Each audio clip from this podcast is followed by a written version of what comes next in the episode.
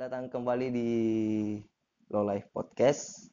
Jadi di podcast kedua ini kita akan membahas tentang hak asasi manusia bersama Bro Ai.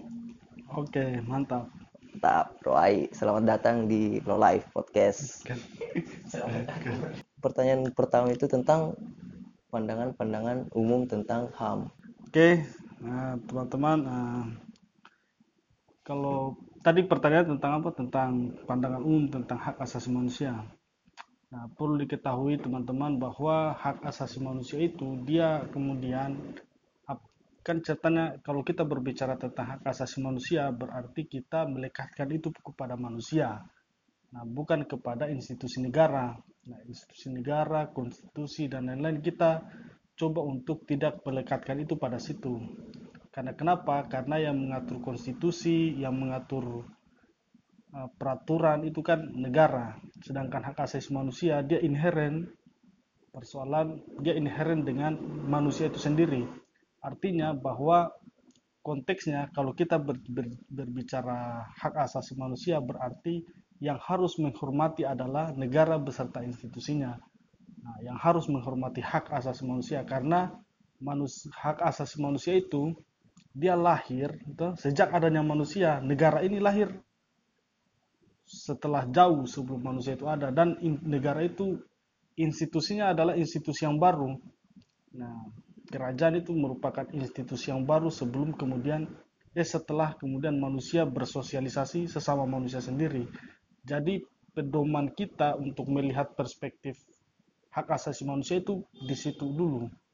Nah, harus clear dulu di situ bahwa hak asasi manusia letaknya itu dia adalah kepada manusia. Dia tidak dilekatkan kepada negara konstitusi dan lain-lain. Jadi kenapa kemudian harus menghormati HAM? Ya, ya, ya. jangan bilang bahwa karena konstitusi menghormati itu juga tapi kemudian ada sesuatu yang ada di, di dalam diri manusia yang kemudian harus dipenuhi. Batas minimumnya itu harus kemudian dipenuhi yang kemudian negara itu harus menghormati hal tersebut Jadi Sebegitu. jadi Kalau posisi HAM dia lebih tinggi Iya, daripada konstitusi iya. negara. Dia lebih tinggi daripada konstitusi. Cuma nilai-nilai HAM kan bikin konstitusinya kita ini kan lahir itu kan 18 Agustus 45 kan. Ya betul. Setelah kemudian negara Indonesia merdeka, Betul. nah konstitusi dibahas itu ada perdebatan-perdebatan awal. Nah, salah satu yang masuk adalah hak asasi manusia. Dari landasan apa hak asasi manusia itu masuk? Pemikiran-pemikiran orang-orang terdahulu masalah penghormatan-penghormatan antara sesama manusia itu kemudian dimasukkan ke dalam konstitusi. Jadi bukannya jadi kemudian hak asasi manusia itu kalau bisa dikatakan dia kemudian lebih tinggi dibanding kemudian apa yang konstitusi telah berikan gitu. Dia seperti itu. Bagaimana dari pandangan sejarah HAM?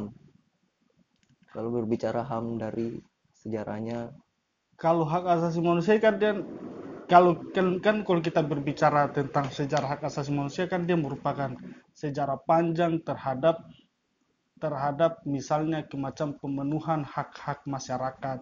Kalau boleh dikata misalnya seperti ini. Maksudnya sejak kapan kemudian prinsip-prinsip HAM itu lahir? ya, ya. Kan prinsip-prinsip HAM itu kalau misalnya sejarah HAM kan kita ini kan sejak manusia itu ada kan dia selalu kemudian melihat bahwa ingin memenuhi dan ingin memenuhi batas kebutuhan dari hidupnya kemudian tidak boleh itu dicaplok oleh orang lain. Nah, itu di dalam proses masalah HAM tapi kemudian itu masalah maksudnya itu pengertian HAM yang kemudian belum terlembagakan. Misalnya kalau sejarah HAM kan kita lihat prinsip-prinsip HAM kemudian muncul, berkembang dan kemudian semakin terlembagakan sampai saat ini. Kemudian seperti di Indonesia banyak undang-undang yang mencoba untuk memasukkan nilai-nilai HAM. Tetapi kalau dilihat dari sejarahnya dari mana itu kan dia dari Magna Carta misalnya tuh. kemudian di beberapa lanjutan misalnya macam adanya duham kemudian adanya juga beberapa prinsip-prinsip HAM yang kemudian lahir justru di beberapa belahan-belahan dunia lain misalnya macam di mana di Indonesia misalnya di Indonesia juga tahun 1945 juga sudah kemudian di konstitusinya kembali untuk uh, memasukkan nilai-nilai hak asasi manusia. Nah, perlahan-lahan ini kan mulai terlembagakan hak asasi manusia itu. Kemudian pada prosesnya di, dibuat beberapa komisi-komisi untuk me, untuk diberikan kewenangan untuk melihat dan mengoreksi negara begitu. Muncullah beberapa komisi-komisi misalnya Komisi Perlindungan Saksi dan Korban, Komnas HAM, Komnas Perempuan dan lain-lain dan, dan diakomodir pada akhirnya kan di negara modern kalau misalnya kan melihat bahwa Indonesia ini adalah negara demokrasi. Hmm. Nah, dalam sistem demokrasi bahwa HAM sangat fundamental untuk dihargai. Nah, bagaimana posisi HAM di dalam negara demokrasi? Cuman tidak posisinya itu hak asasi manusia itu kan dia sistem demokrasi dia itu kan tidak bisa jalan dan tidak bisa efektif atau tidak mendapatkan ruhnya ketika penghormatan terhadap hak asasi manusia itu juga tidak dilakukan. Tidak dilakukan. Nah, bagaimana kemudian kita berbicara demokrasi? Maksudnya memang bahwa nah, sekarang kan kita memperlihatkan bisa begini. Beberapa penelitian kemudian mengatakan bahwa oh Indonesia ini sudah melewati, maksudnya sudah melewati masa-masa otoriter ke negara yang lebih demokrasi. Masa transisi. Masa transisi begitulah maksudnya tuh. Mm -mm. tapi ukurannya apa? Maksudnya begini kita dikatakan demokrasi itu di beberapa banyak penelitian bahwa Indonesia kemudian lebih demokratis atau pernah ada penelitian bahwa Indonesia ini merupakan negara demokrasi ketiga di dunia dengan sistem yang cukup baik nah tapi kita lihat bahwa ukurannya itu apa demokrasi di sini nah ternyata ukurannya bahwa dari sistem otoriter ke demokratis, nah, nah ini kan dia ukurannya kan pada saat, pad, maksudnya bagaimana sistem pemilihan umum. Nah hal-hal seperti ini memang dia kategorinya memang demokrasi, pemilihan umum itu demokrasi, ya demokrasi, demokrasi. tapi tidak bisa kemudian meletakkan bahwa ukuran demokrasi hanya pada saat itu. Ya pada nah, saat pemilihan umum. Pada saat bukan pada pada sistem pemilihan umum, pada sistem perwakilan di DPR, dia tidak seperti itu. Nah, ada beberapa penelitian lain yang mengatakan justru Indonesia ini semakin tergerus demokrasinya. Karena kenapa? Apa ukurannya? Kenapa tergerus? Karena penghormatan terhadap hak asasi, hak asasi manusia. manusia. Apa itu hak asasi manusia yang lebih bisa dilihat? Misalnya hak sipil politik. Nah, sekarang kalau dilihat masalah hak sipil politik yang kemudian kita amati beberapa belakangan ini, kita sudah melihat bahwa demokrasi Indonesia ini sebenarnya sistem pemilunya dimodernisasi itu diper, diperbaiki, di, sering dievaluasi, tapi sistem-sistem penghormatan terhadap hak asasi manusia itu juga anjlok, bisa kayak begitu. Anjloknya itu seperti apa? Misalnya kita banyak melihat beberapa rangkaian undang-undang yang sama sekali tidak demokratis dan menutup ruang penghormatan terhadap sipil politik, hak sipil politik. Misalnya kita lihat apa undang-undang ITE sampai sekarang belum dikorek-korek ya. ya. Kemudian kita melihat juga rancangan undang-undang, misalnya beberapa rancangan undang-undang yang kemudian semakin menjauhkan masyarakat dari uh, kemerdekaan hak sipil politik itu sendiri. Nah, jadi ukurannya itu bias begitu. Ya. Jadi Indonesia jangan, tidak jangan terlalu terlena dengan hasil penelitian yang meletakkan pemilihan umum itu sebagai satu-satunya alat untuk mengukur demokrasi. Jadi nah, poin pentingnya bahwa Indonesia jangan mengukur kalau iya, pemilihan umum itu adalah menjalankan demokrasi. Iya. Bahwa masih ada poin-poin lain yang masih harus ada poin-poin lain. Masalah kemerdekaan hak sipil, kebebasan sipil politik. Nah, misalnya macam demonstrasi. demonstrasi. Misalnya bagaimana merespon merespon pendapat ya, merespon ide dan merespon kritik terhadap kinerja pemerintahan yang kemudian sering terjadi kriminalisasi seperti itu bisa katakanlah yang terjadi pada teman-teman Papua misalnya ya, ya. segala macam kritik yang dilakukan oleh teman-teman Papua entah kritik kemudian masalah ketimpangan sosial, ketimpangan ekonomi itu selalu diterjemahkan pemerintah sebagai salah satu tindakan separatis. Separatis padahal terhadap kan negara. Juga, terhadap negara. Padahal kan Kenapa pemerintah terus menerjemahkan hal seperti itu? Belum lagi beberapa, saya kira terlalu banyak juga untuk diurai di sini. Tapi yang pada intinya bahwa uh, ukuran demokrasi itu tidak harus juga diletakkan pada kemerdekaan sipil politik warga negara. Nah. Nah, itu tadi sebelum ke kasus-kasus tentang pelanggaran HAM bahwa ternyata HAM ini sangat luas. Hmm. Nah, kira-kira dalam pembagian HAM kan ada dibilang sipol dan Sop. ekosop. Nah, apa yang dimaksud sipol, apa yang dimaksud dengan ekosop? Sebenarnya kalau kita lihat bahwa eh, apa yang termasuk dalam sipil politik dan ekonomi sosial dan budaya, hmm. kita melihat di sini ada banyak beberapa uraian yang cukup mudah untuk kita membedakan hal tersebut. Misalnya ke macam sipil, sipil politik itu kemudian dilihat sebagai hak di mana negara tidak kemudian boleh terlalu banyak ikut campur terhadap pemenuhan hak tersebut. Maksudnya di, di pemenuhan hak sipil politik negara dituntut untuk tidak terlalu ikut campur di dalam hal tersebut. Nah, kalau di bagian hak ekonomi sosial dan budaya, negara kemudian harus berperan aktif terhadap pemenuhan hak, -hak tersebut. Misalnya seperti apa? Negara kemudian dituntut aktif. Misalnya, negara kemudian dituntut aktif untuk uh, untuk misalnya pemenuhan hak atas air bersih. Nah, nah negara itu tidak boleh pasif, dia harus aktif di dalam hal-hal tersebut pemenuhan hak itu. Kemudian negara dituntut untuk menyediakan perumahan bagi masyarakat. Nah, negara tidak boleh aktif terlibat, eh, maksudnya negara tidak boleh pasif, pasif terhadap pemenuhan hal tersebut. Apalagi misalnya negara, misalnya soal uh, subsidi energi, bukan subsidi energi, maksudnya kebijakan energi. Kebijakan energi. Nah, kemudian kebijakan perdagangan. Nah, negara supaya kemudian negara turut campur, maksudnya harus terlibat aktif terhadap adanya pendistribusian pendistribusian apa sumber daya sumber daya negara.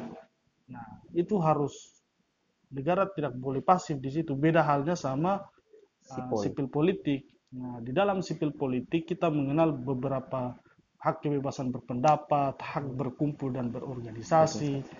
Nah, hal-hal seperti itu, itu kemudian negara dituntut untuk tidak terlalu banyak ikut campur terhadap uh, bagaimana masyarakat membentuk pola pikir, kemudian bagaimana masyarakat membentuk pendiskusian-pendiskusian yang lebih kritis. Kemudian di beberapa kasus juga negara tidak tidak boleh ikut campur terhadap uh, terhadap beberapa pendapat-pendapat yang kemudian uh, ya seperti itu yang kritis dan yang kritis dan bisa dilihat di beberapa kasus yang lain juga sebenarnya. Jadi hal yang paling mendasar dari sipol dan ekosop bahwa kalau misalnya sipol negara harus ya, pasif. itu salah satunya. Kalau ekosop dia negara harus aktif. Ya. Nah, itu tadi tentang sipol dengan ekosop. Nah, kira-kira jenis-jenis pelanggaran HAM dari turunan sipol dan ekosop itu ah, sebenarnya begini, kalau dilihat maksudnya kalau kita misalnya begini, kita harus memahami juga beberapa kategori pelanggaran hak asasi manusia. Nah, kan ceritanya bagaimana proses penyelesaian pelanggaran hak asasi manusia misalnya. Nah, proses penyelesaian pelanggaran hak asasi manusia misalnya bagaimana dengan hak asasi pelanggaran HAM berat pada masa lalu itu bagaimana penyelesaiannya dan kemudian pelanggaran HAM yang terjadi pada saat ini itu bagaimana penyelesaiannya itu harus dilihat dulu.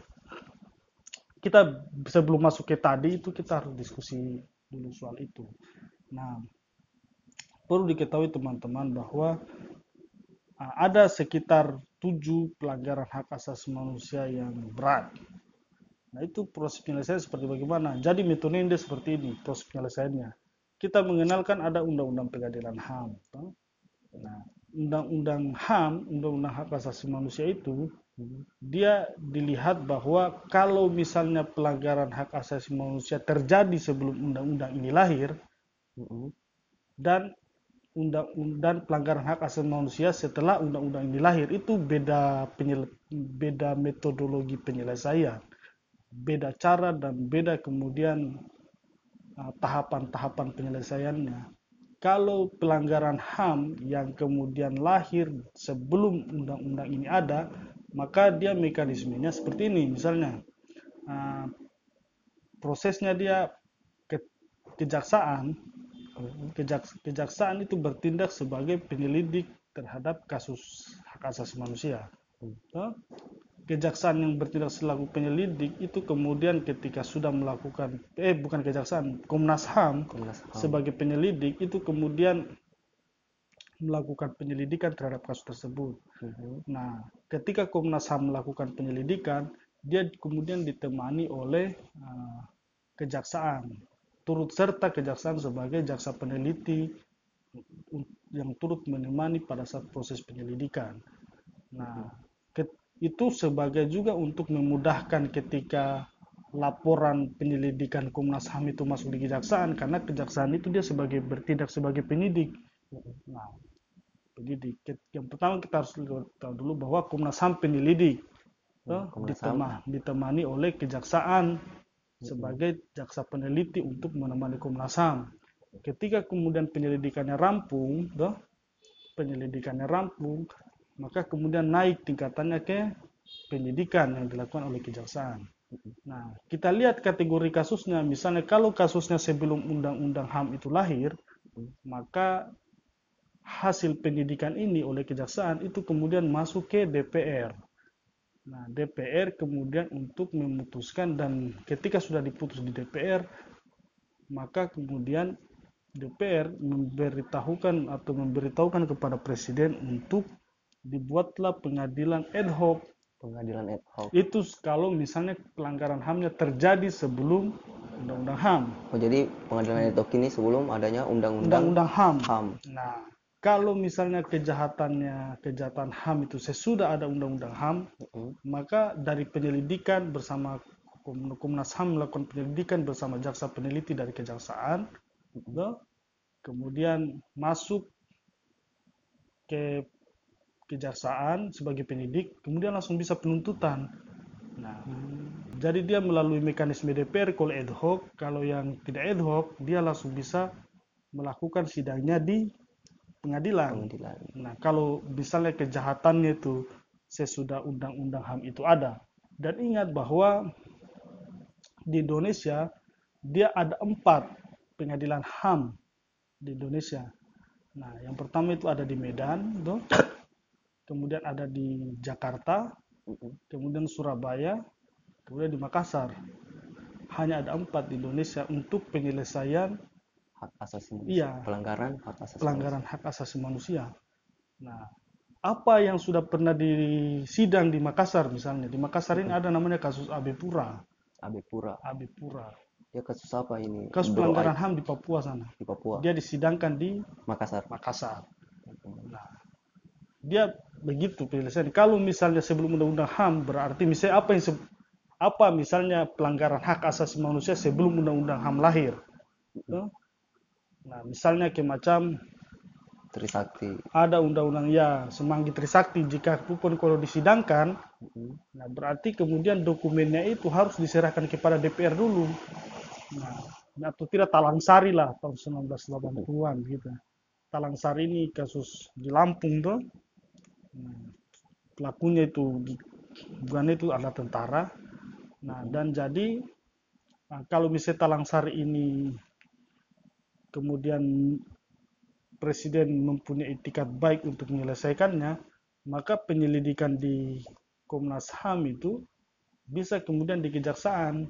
Masuk di kejaksaan tidak langsung bisa langsung masuk ke pengadilan atau penuntutan. Dia harus ke DPR dulu. Di DPR kemudian meminta kepada presiden untuk dibuatkan pengadilan HAM ad hoc. Nah, karena kejadiannya sebelum tahun sebelum keluarnya undang-undang keluarnya undang-undang HAM karena hak asasi manusia ini dia asasnya retroaktif maksudnya biar sebelum ada undang-undangnya itu dia bisa mengambil kasus-kasus yang lama sebelum undang-undang itu lahir. Nah, dia tidak pakai asas legalitas sebagaimana hukum pidana tuh. Nah, dia asasnya retroaktif. Retroaktif namanya. Nah, kalau asas legalitas kan di pasal 1 ayat 1 KUHP. Kalau HAM dia tidak memakai itu. Hmm. Nah. Jadi tadi tentang bahwa ternyata ada sebelum lahirnya undang-undang tahun 1999 tentang perlindungan HAM bahwa ada dua jenis pengadilan di Indonesia. Ya, Ad itu hoc ter- dan pengadilan HAM yang tanpa pengadilan ad HAM hoc. tanpa ad hoc. Nah, kira-kira ad hoc. bagaimana upaya perlindungan dan penegakan HAM khususnya kita berbicara tentang Indonesia. Ya, kan sekarang kan kita melihat bahwa eh, perlindungan hak asasi manusia itu kita melihat dulu dari pola bagaimana pemerintah bekerja hari ini. Nah, bagaimana kemudian kita melihat pemerintah bekerja itu dia dari eh, misalnya regulasi-regulasi apa yang kemudian akan dibuat untuk menopang kerja pemerintah. Nah, misalnya kan kalau kita lihat sekarang, nah, misalnya kalau kita konteksnya ke presiden, visi misi presiden, kita juga melihat agak kurang tersampaikan ya, maksudnya kurang tersampaikan itu masalah pembaharuan hukum, kurang tersampaikan itu masalah hak asasi manusia, tuh yang kemudian sering disinggung oleh presiden ini kan masalah investasi, ekonomi dan lain-lain. Ya, ya, ya. Nah, sehingga kemudian hukum ini tereduksi di beberapa isu-isu yang menurut presiden atau menurut beberapa yang lain itu merupakan isu yang lebih bagus untuk di diseriusi misalnya semacam investasi dan lain-lain. Tapi ingat bahwa uh, oke silakan kemudian misalnya membangun sebuah investasi dan membuat sebuah pembangunan yang yang pembangunan infrastruktur yang masif.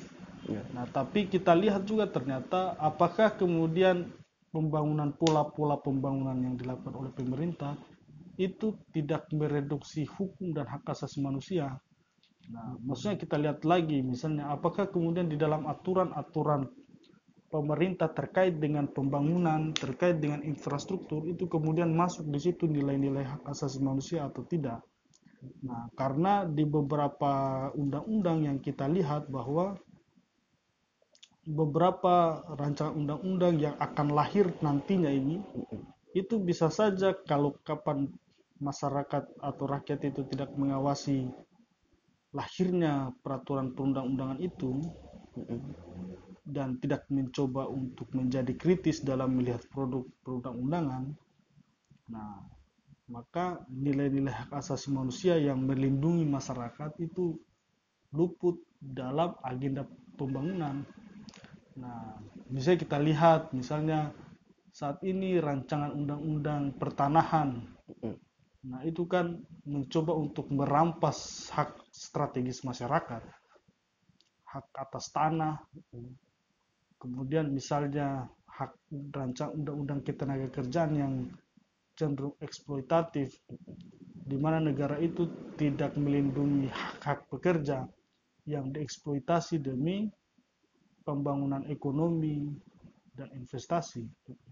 Masuklah lagi beberapa rancangan undang-undang yang lain, misalnya rancangan undang-undang KPK, yang kemudian coba untuk memberikan ruang lebih terhadap perampokan negara. Nah, yang kemudian karena hak-hak pembangunan masyarakat, hak-hak pembangunan yang harusnya dialami oleh masyarakat juga itu hak-hak masyarakat untuk sekolah dan lain-lain itu agak sedikit tidak maksudnya tidak akan terpenuhi maksimal jika kemudian korupsi yang ada di Indonesia pun itu cukup masif. Nah, makanya dilihat juga bahwa masa depan hak asasi manusia bisa dilihat dari seberapa seberapa dihargainya hak asasi manusia di dalam produk undang-undang yang akan disahkan dan produk undang-undang saat ini misalnya yang saat ini sedang berjalan. Nah, itu tergantung juga dengan uh, political will dari pemimpin negara ya. Political Pem- win. Iya, maksudnya kemauan politik dari pemimpin negara untuk menyelesaikan pelanggaran HAM masa lalu kemudian sekaligus menjamin hak asasi manusia itu lebih dihormati ke depannya begitu ya. Jadi masa depan HAM itu tergantung Iya, bagaimana tergantung itu. pembangunan ini mengikutkan Iya, ter- hak asasi manusia di dalamnya. Iya. Karena kan kita lihat di dalam visi misi presiden, di dalam pidato-pidato presiden kita kurang melihat bahwa dia itu mendukung penuh atau dia itu apa presiden itu kita lihat kurang begitu mempunyai kemauan ya terhadap penyelesaian pelanggaran-pelanggaran HAM masa lalu itu. Nah, apalagi kemudian sekarang waktu tahun 2015 kalau tidak salah 2016 2015 kalau tidak salah itu itu dibuatlah nah, misalnya kalau pelanggaran masa lalu dia dibuatkan macam simposium-simposium begitu ya. Nah, tahun tahun 2015 itu dibuatlah simposium 65 begitu ya. Simposium 65. Simposium 65 itu untuk mempertemukan korban dan mempertemukan korban sebenarnya sih karena pelaku itu saya tidak lihat bahwa ada nah, di dalam simposium itu. Nah, seharusnya pelanggaran hak pelanggaran HAM masa lalu itu juga harus diselesaikan dengan cara-cara yang berkeadilan begitu. Karena kenapa? Karena uh, proses-proses uh, walaupun kemudian pelanggaran HAM masa lalu itu uh, kalau menurut banyak statement-statement pejabat negara dia bilang tidak usahlah memasukkan apa memasukkan uh, memasukkan pelanggaran hak hak HAM masa lalu itu ke hukum. Nah, kita harus selesaikan dengan cara-cara berbudaya berkeindonesiaan begitu toh.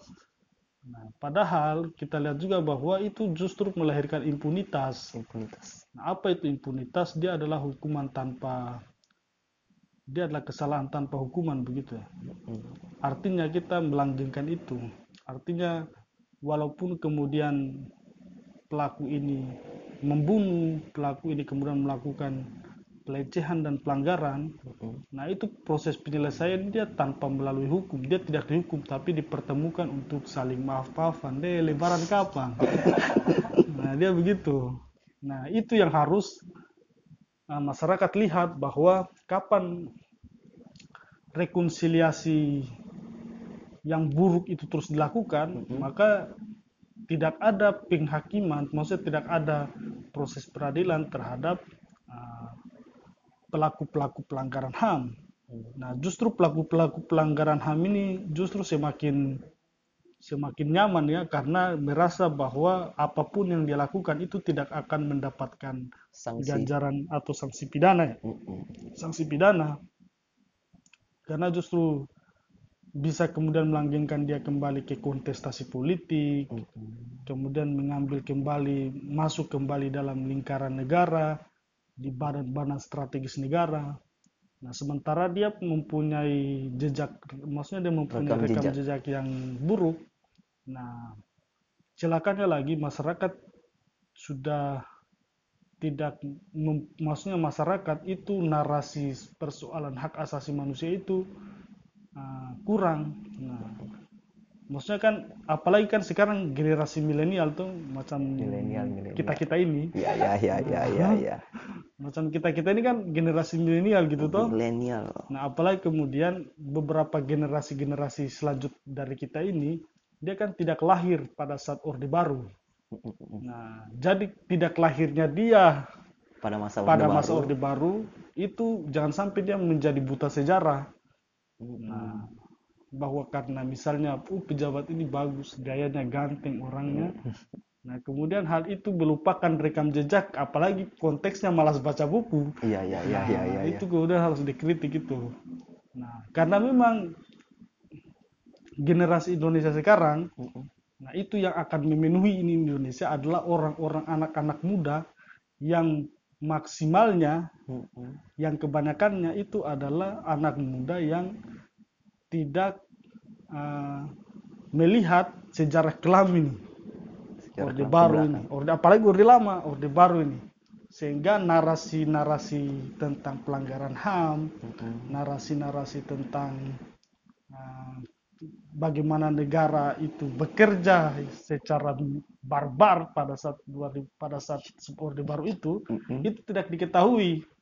Nah, apalagi edukasi soal itu itu kemudian uh, tidak berjalan. Makanya ini tugasnya kita kita ini, maksudnya mahasiswa tuh, mm-hmm. nah, itu kemudian untuk selalu membaca sejarah dan uh, selalu melihat sebagai melihat secara kritis orang-orang yang akan mengisi jabatan-jabatan yang nanti akan menentukan menentukan masa depan. Iya yang menentukan masa depan ini tuh. Nah, itu harus dikoreksi tuh. Makanya tugas anak muda itu sekarang begitu. Jadi membaca teliti rekam jejak para pejabat-pejabat. Para pejabat negara atau calon pejabat negara calon yang nanti akan duduk di kekuasaan itu. Mm -mm. nah itu harus di dikoreksi itu karena kapan kita selalu membiarkan apalagi kemudian apalagi jangan sampai kita menjadi bagian dari dinda-dinda mereka astagfirullahaladzim. Dinda-dinda Amerika. Dinda-dinda mereka tuh maksudnya dinda-dinda anu dinda-dinda dari para pelajar HAM. Nah maksudnya hal-hal seperti itu tidak kita harus membangun nalar kritis itu anak muda itu. Membangun nalar kritis untuk bisa membaca masa lalu dan bisa melihat masa depan itu secara lebih bagus nah seperti itu saya minum dulu Oke, silakan silakan Bang Om Ai, Bro Ai. Nah, kalau misal paling baru-baru tentang demonstrasi yang terjadi ah. reformasi di korupsi. Ya. Bahwa ternyata ada jatuh korban. Ya. Nah, salah satu contohnya tentang Randi yang hmm. mahasiswa Kendari. Ya. Ternyata kepolisian cuma dijatuhi sanksi disiplin. Nah, ya. kira-kira pandangan dari Bro Ai Jadi gini. Bagaimana? Nah, kita kita melihat dulu dengan maksudnya kita makanya ini hal yang penting kenapa kemudian koru, kenapa kemudian kenapa reformasi di korupsi itu nah reformasi di korupsi nah kita beberapa mungkin sebagian dari anak muda yang mengikuti demonstrasi mungkin belum mengetahui misalnya reformasi itu apa sebenarnya dan kenapa dikorupsi? Dan kenapa dikorupsi? Uh -uh hal-hal seperti itu kemudian perlu didiskusikan lebih awal juga. Mm -hmm. Tapi terkait masalah kematian para demonstrasi, demonstran, nah, itu merupakan koreksi dari sistem yang bekerja saat ini. Dan kenapa kemudian pul berapa, maksudnya kenapa kemudian aparat itu cuma mendapatkan vonis ringan dari kematian kawan-kawan ini. Nah, perlu diketahui bahwa terkait dengan hal tersebut toh terkait dengan hal tersebut sebenarnya ini merupakan singgungan bahwa reformasi sektor keamanan itu harus kemudian kembali di didorong karena kenapa karena kita melihat bahwa aktor-aktor negara aktor-aktor kekerasan negara misalnya itu sekarang ini tidak berjalan tanpa ada evaluasi dan koreksi begitu apa misalnya Makanya ada ada ada game seperti ini. Kalau polisi yang membunuh kamu, kamu melapor di mana? Gitu. Kamu akan melapor ke mana kalau terjadi seperti itu ya? Nah itu kan ada game ada game begitu lahir dari bahwa dari kita tidak melihat sipil-sipil ini tidak melihat bahwa ada alat koreksi untuk yang bisa mengatakan eh tidak bisa seperti itu. Tidak bisa kemudian penyelidikannya seperti itu. Alat koreksinya itu apa? Nah kepolisian ini kan salah satu yang dampingi itu kan begini. Nah kan pada saat pada saat kan ceritanya begini pada saat anu itu nah pada saat kemudian kan pada saat reformasi itu 98 tuh nah itu kan lahirlah beberapa tap MPR salah satunya tap MPR yang memisahkan antara uh, militer dan dan polisi. Nah seperti itu. Kan pada saat orde baru itu selesai, mm -hmm. tuntutan masyarakat itu adalah mencabut dua fungsi ABRI. Artinya ABRI itu harus di, menjadikan ABRI itu profesional dan tidak masuk ke ranah politik. Mm -hmm. Selain itu, ada juga agenda untuk pemisahan antara polisi dan militer. militer. Sehingga memusnahkan TNI Polri jadi konteksnya militer itu adalah TNI. Polri itu bukan bagian dari militer, militer. tapi dia bagian dari, dari sipil. sipil. Nah, kenapa seperti itu? Kenapa harus dipisah? Karena pendiskusian saat itu bahwa polisi ini dia harus mempunyai watak seperti sipil. Wataknya itu harus sipil. dan militer ini salah satu agenda reformasi ini adalah menjadikan militer ini lebih profesional. Jadi ada dua isu. Kenapa dipisah? Karena yang pertama kalau misalnya satu menjadi polisi dan militer dalam naungan ABRI itu kan proses kultural, struktural dan lain-lain itu kan mirip dan sama. Makanya kemudian dipisah pada saat selesainya Orde Baru. Pemisahan itu mempunyai agenda yang berbeda-beda. Kenapa dipisah? Supaya TNI lebih profesional, atau tidak ikut dan masuk ke dalam politik. Jadi dia lebih profesional. Intinya dia tugasnya adalah pertahanan. Pertahanan negara. Pertahanan negara.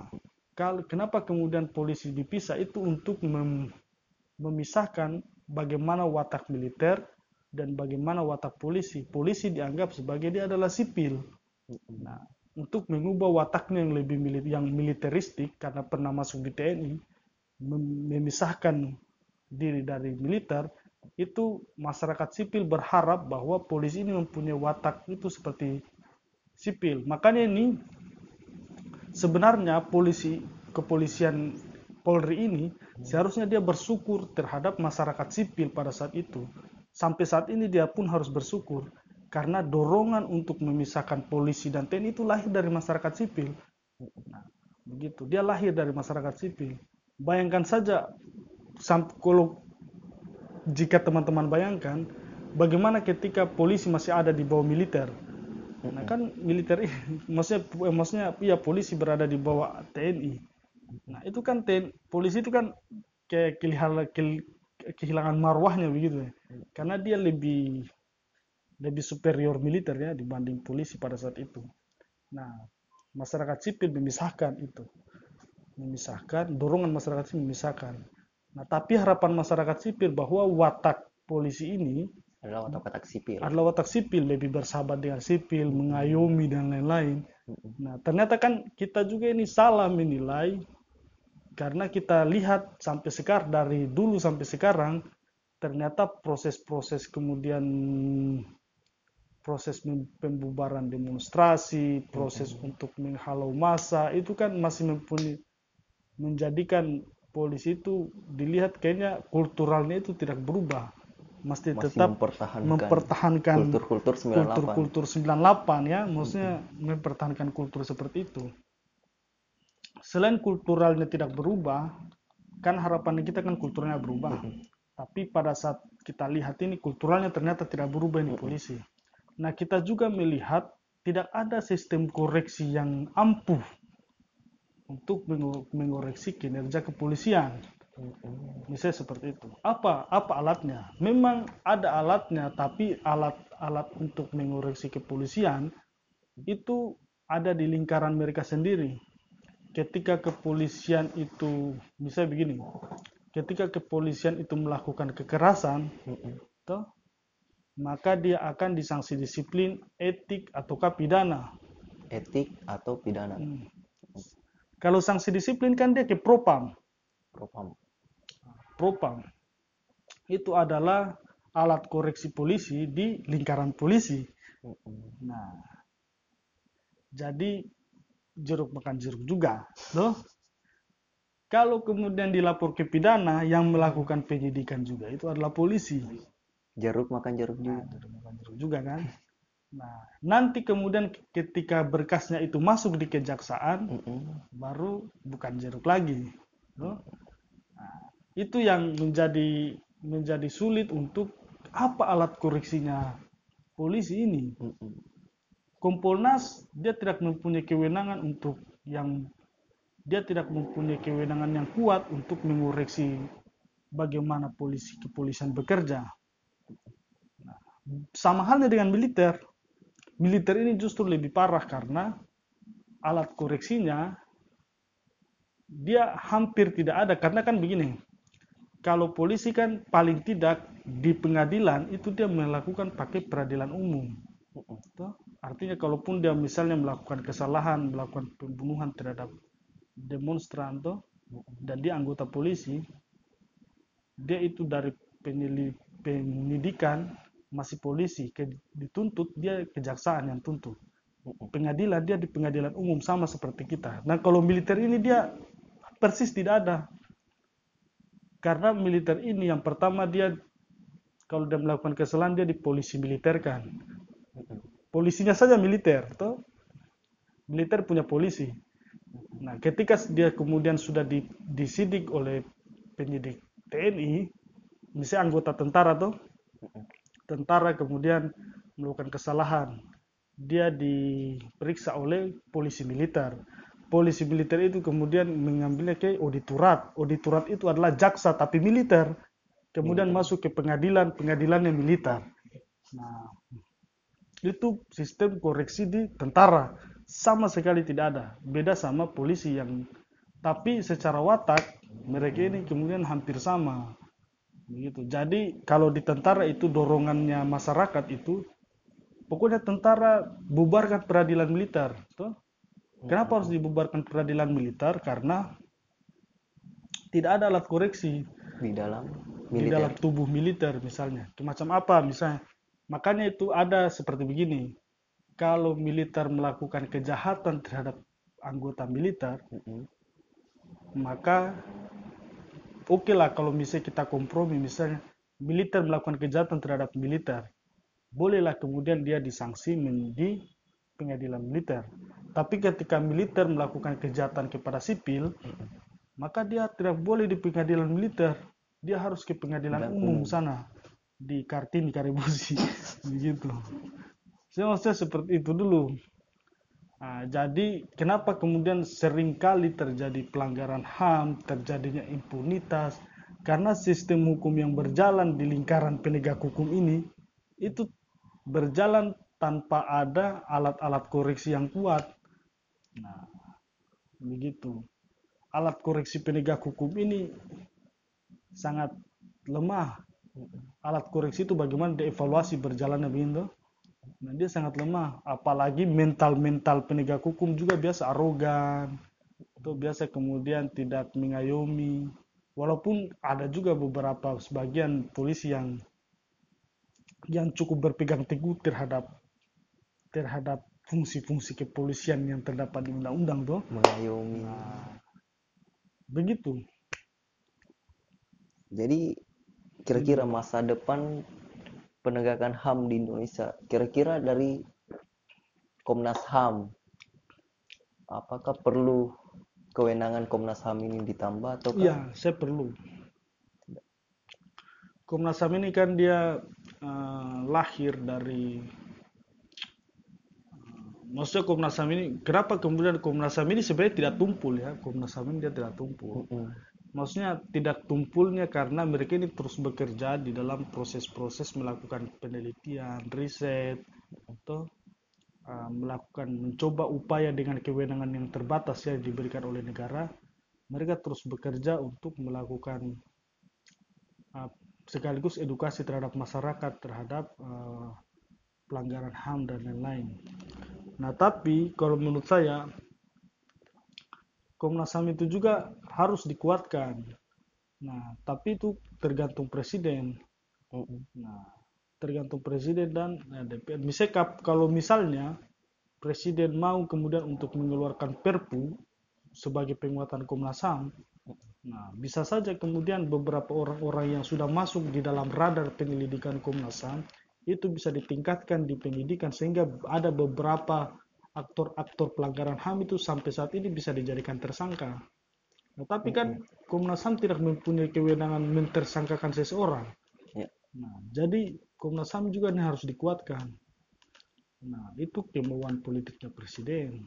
Kalau memang dia tidak melalui mekanisme di DPR bisa membuat uh, merevisi undang-undang yang terkait Komnas HAM, dia bisa keluarkan peraturan pemerintah pengganti undang-undang.